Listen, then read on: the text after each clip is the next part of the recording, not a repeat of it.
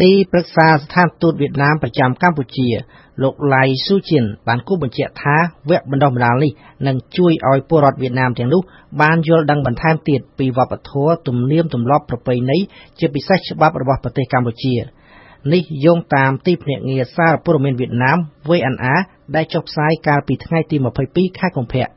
លោកសឿនជុំជួនអគ្គលេខាធិការសមាគមខ្មែរកម្ពុជាក្រោមដើម្បីសិទ្ធិមនុស្សនិងអភិវឌ្ឍ បានស្វាគមន៍ចំពោះការបើកវគ្គបង្រៀនដល់ជនជាតិវៀតណាមដែលរស់នៅកម្ពុជានេះក៏ប៉ុន្តែលោកជំរុញឲ្យអាជ្ញាធរនៅឯប្រទេសវៀតណាមក៏ត្រូវតែបើកលំហសេរីភាពឲ្យពលរដ្ឋខ្មែរកម្ពុជាក្រោមអាចរៀនសូត្រពីអក្សរសាស្ត្រខ្មែរនិងវប្បធម៌ប្រពៃណី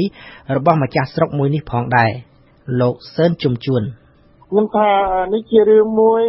បើយើងនិយាយពាក់ព័ន្ធទៅនឹងសិទ្ធិមនុស្សឃើញថាកម្ពុជាស្វាគមន៍បានល្អត្រឹមត្រូវសម្រាប់ទៅលើជនជាតិ ជាពិសេសជនជាតិវៀតណាមដែលនៅក្នុងប្រទេសកម្ពុជាប៉ុន្តែតែជាយ៉ាងណាក៏ដោយយើងគិតថាប្រសិនណាបានស្វាគមន៍គោរពនិងអនុវត្តតាមគោលការណ៍សិទ្ធិមនុស្សបែបនេះគឺបានល្អប៉ុន្តែខ្ញុំធ្វើឲ្យយ៉ាងណាឲ្យមានភាពស្មើគ្នាណាមិនមែនសម្រាប់ជនជាតិមួយទេដូចជាដើមអញ្ចឹងណាដូចជាថ្មីថ្មី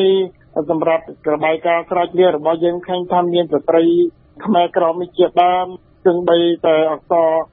សាសខ្លួនឯងហ្នឹងមិនចេះអានមិនចេះសរសេរផង ជាងហើយដែលយើងកំពុងតែត្រៀមដល់ជ្រើសទៅរដ្ឋាភិបាលមកតើការចំណាត់ការបែបណាទៅរដ្ឋាភិបាលគាត់យល់ឃើញបែបណាគួរតែមានសាលារៀនមួយសម្រាប់ទៅដល់ស្ត្រីខ្មែរកំដៅទេសម្រាប់អប់រំក្រៅប្រព័ន្ធនេះជាដើមណានេះជាការយល់ឃើញរបស់ខ្ញុំណាសម្រាប់លោកសុកសវណ្ណវឌ្ឍនាសាប៊ុងប្រធានគណៈបកផ្នែកក្រោយយល់ថាប្រសិនបើមានការបង្រៀនបែបនេះទៅដល់ជនអន្តោប្រវេសន៍វៀតណាមនៅកម្ពុជាមែននោះលោកយល់ថាមិនត្រឹមត្រូវឡើយ បើលក្ខខណ្ឌគាត់ទៅនៅខ្លួនគាត់ទៅចាំបាច់យើងទៅស្រួលអីអាហ្នឹងទៅខាតមកកម្លាំងអាជ្ញាធរអាជ្ញាធរទទួលប្រាក់បៀវត្សរបស់ប្រជាជនហើយយើងមានទូនទីក្នុងការអនុវត្តច្បាប់តាមបទដ្ឋានគតិយុត្តដែលថាទូនទីភារកិច្ចមានអីខ្លះមិនមែនកំណត់ឲ្យធ្វើអញ្ចឹងណាបើឧទាហរណ៍ណាបាទហើយបើគាត់ចង់រៀនគាត់មានឆន្ទៈចូលជាតិខ្មែរវាមានសាលាពេលរៀនខ្មែរអីត្រឹមត្រូវគាត់អាចចុះឈ្មោះចូលរៀនទៅតែមិនអាជ្ញាធរចំណាយកម្លាំងទៅស្រួលទៅអីតែអញ្ចឹងបើសិនជាលេចរូបភាពទៅមហាជនមហាជនធ្វើការវាយតម្លៃ អភិបាលខេត្តតាកែវលោកអ៊ូចភាបដិសេធធ្វើអត្ថាធិប្បាយប៉ុន្តែអ្នកនាំពាក្យអគ្គនាយកដ្ឋានអត្តសញ្ញាណកម្មលោកឧត្តមសេនីយ៍ឯកតុបណេតបានអះអាងថាលោកមិនទាន់បានទទួលព័ត៌មានពីការបើកបង្រៀនវគ្គបណ្ដុះបណ្ដាលទៅដល់ជនអន្តោប្រវេសន៍នៅខេត្តតាកែវនេះឡើយ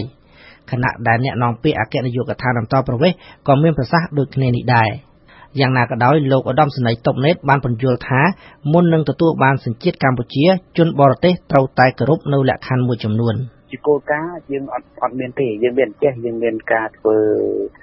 ពេលដែលគាត់ដាក់ពាក្យសុំចូលសញ្ជាតិហ្នឹងយើងមានការធ្វើសម្ភាសហើយសម្ភាសហ្នឹងតម្រូវឲ្យគាត់ចេះភាសាខ្មែរខ្លះចេះប្រវត្តិសាស្ត្រខ្មែរខ្លះអញ្ចឹងណាប៉ុន្តែมันมันមានការបង្រៀនទេអាហ្នឹងរឿងរៀនរឿងអីហ្នឹងគឺជនអន្តរប្រវេសន៍ហ្នឹងគាត់ធ្វើខ្លួនគាត់គាត់រៀនអីខ្លីណាខ្លួនឯងណាប៉ុន្តែយើងមិនមានការបដិបដាលទេហ្នឹងណា បច្ចុប្បន្ននេះមានជនជាតិវៀតណាមប្រមាណអ្នកដែរដែលបានសុំចូលសញ្ជាតិខ្មែរហើយបាទអឺតួលេខអឺបើតួលេខជារួមតួលេខជារួមយើងមានបានន័យថាគ្រប់ជនជាតិគឺយើងមានជាង2000នាក់ហើយគ្រប់ជនជាតិមិនមែនតែជនជាតិវៀតណាមទេប៉ុន្តែដែលជនជាតិវៀតណាមតែម្ដងអាហ្នឹងខ្ញុំទៅបើអត់មានតួលេខក្នុងដៃដែរឡើយនេះណាហ្នឹងហើយប៉ុន្តែយើងមានជារួមជាតួលេខរួមហ្នឹងគឺ មានច្រើនជំជាតិយើងមាន2000នាក់ហើយមកដល់ឥឡូវគិតចាប់ពីឆ្នាំ1999មកមកដល់ឥឡូវជាងជាង2000នាក់បាទយោងតាមក្រសួងមហាផ្ទៃគឺមានជនជាតិវៀតណាមប្រមាណ16ម៉ឺននាក់កំពុងរស់នៅប្រទេសកម្ពុជាហើយភាគច្រើនពួកគេរស់នៅក្នុងទីក្រុងភ្នំពេញខេត្តកំពង់ឆ្នាំងពោធិ៍សាត់បាត់ដំបងសៀមរាបកណ្ដាលព្រៃវែងតាកែវជាដើមលោករងឈុនសមាជិកក្រុមប្រឹក្សាខ្លំមើលកម្ពុជាបានចាប់អារម្មណ៍ថា បញ្ហាវគ្គបន្ទប់បណ្ដាបញ្ហាអីហ្នឹងតនទៅជាផ្នែកមួយហើយយើងគិតថាគួរតែឲ្យពួកគាត់ស្វែងយល់អំពីប្រពៃណីពីវប្បធម៌ពីអក្សរសាស្ត្រហើយនិយាយរួមទៅត្រូវគោរពទៅតាមច្បាប់តែមានចែងនៅក្នុងការច្បាប់ស្ដីអំពីអន្តរប្រវេសន៍ធ្វើម៉េចយើងត្រូវមើលលក្ខខណ្ឌឲ្យមែនតើជៀសវាង ការផ្ដោតសញ្ជាតិនឹងមានអំពើពុករលួយមានអំពើសុខប៉ានយើងត្រូវពិនិត្យមើលលក្ខខណ្ឌ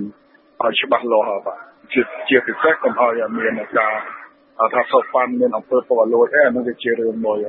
នឹងមានការបញ្ហានៅក្នុងសង្គមខ្មែរទៅកន្លងមកអញ្ចឹងអ្នកដែលកម្មអត្តសញ្ញាណប័ណ្ណអីហ្នឹងវាមានបញ្ហាកើតឡើងច្រើនបាទចំពោះជនអន្តោប្រវេសន៍ដែលមករស់នៅលើកម្ពុជានិងឲ្យក្រសួងមហាផ្ទៃក៏បានប្រកាស ផងដែរកន្លងមកកាលពី3ឆ្នាំមុន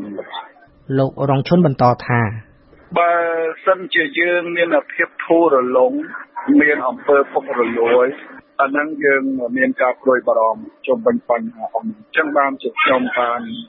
ជំរាបថាត្រូវតែឲ្យមានថាភាពជាក់លាក់ច្បាស់លាស់ជាក់តងទៅនឹងរឿងការផ្ដល់សញ្ជាតិឲ្យជនបរទេសណាមួយនោះ ត្រូវតែមានភាពជាក់លាក់ភាពច្បាស់លាស់ហើយបើមិនដូច្នោះទេវាធ្វើឲ្យបញ្ហាសង្គមយើងនឹងមានការប្រឈមតាក់ទងទៅនឹងជនអន្តោប្រវេសន៍ចេះតែច្រើនទៅច្រើនទៅហើយធ្វើឲ្យវាប៉ះពាល់ទៅដល់ការការរស់នៅរបស់ប្រជាពលរដ្ឋមកទៅដល់ការងារមកអីទៅដល់លោកសឿនជំជួនខ្ញុំគិតថាសង្កេតមកវិញថា វាជារឿងល្អមួយក្នុងការមិនបង្កើតពុជសាសរបស់រដ្ឋាភិបាលណាគ្រប់ទៅតាមគោលការណ៍សិទ្ធិមនុស្សប៉ុន្តែសូមឲ្យការធ្វើនោះឲ្យមានភាពស្មើគ្នាណារវាងកម្រិតនៃការនៅរវាងវៀតណាមហើយនិងបងប្អូនខ្មែរក្រមជាដើមរាល់ថ្ងៃថាតើពលរដ្ឋខ្មែរក្រមអាចចូលរៀនភាសាខ្មែរឬមួយក៏អក្សរសាស្ត្រវប្បធម៌បានដោយទូលំទូលាយបានទេបាទនៅកម្ពុជាគួរតែមានទូលំទូលាយដូចគ្នាណាសម្រាប់នៅកម្ពុជាពីព្រោះថា មានមិនចង្អៀតទៅរដ្ឋាភិបាលគិតមិនបានចង្អៀតសម្រាប់ឲ្យបងប្អូនខ្មែរក្រមចូលរៀនទៅនៅតាមសាលារដ្ឋហ្នឹងឲ្យតែមានឯកសារត្រឹមត្រូវហ្នឹងប៉ុន្តែយើងនិយាយសម្រាប់ទៅលើស្ត្រីដែលគិតហួសវ័យសិក្សាណាស្ត្រីជាច្រើនដែលយើងរកឃើញស្ត្រីហួសវ័យសិក្សាហ្នឹងគឺថា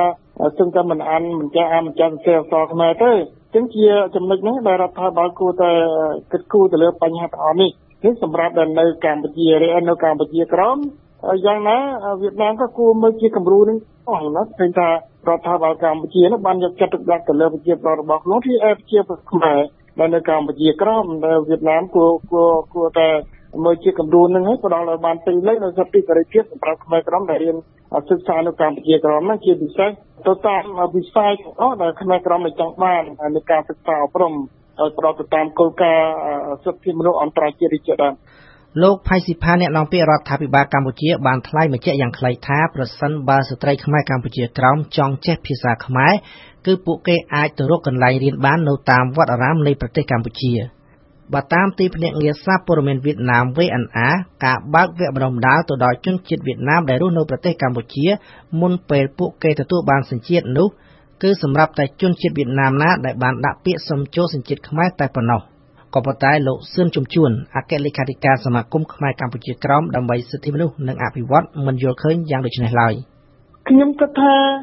នេះមិនមែនសម្រាប់តែជនជាតិវៀតណាមដែលចូលជាសញ្ជាតិកម្ពុជាទេខ្ញុំគិតថាវៀតណាមដែលមិនទាន់ចូលជាសញ្ជាតិកម្ពុជាអាចរៀនបានដែរពីព្រោះពីព្រោះគេតំបន់ខ្លះក៏មានសាលារៀនណាគេមានសាលារៀនសម្រាប់ឲ្យជនជាតិវៀតណាមហ្នឹងទៅឲ្យបានចូលសញ្ជាតិកម្ពុជាឬមិនបានចូលសញ្ជាតិកម្ពុជាឬខ្ញុំឃើញថាពួកគេអាចចូលរៀនបានតាមនៅតាមសាលា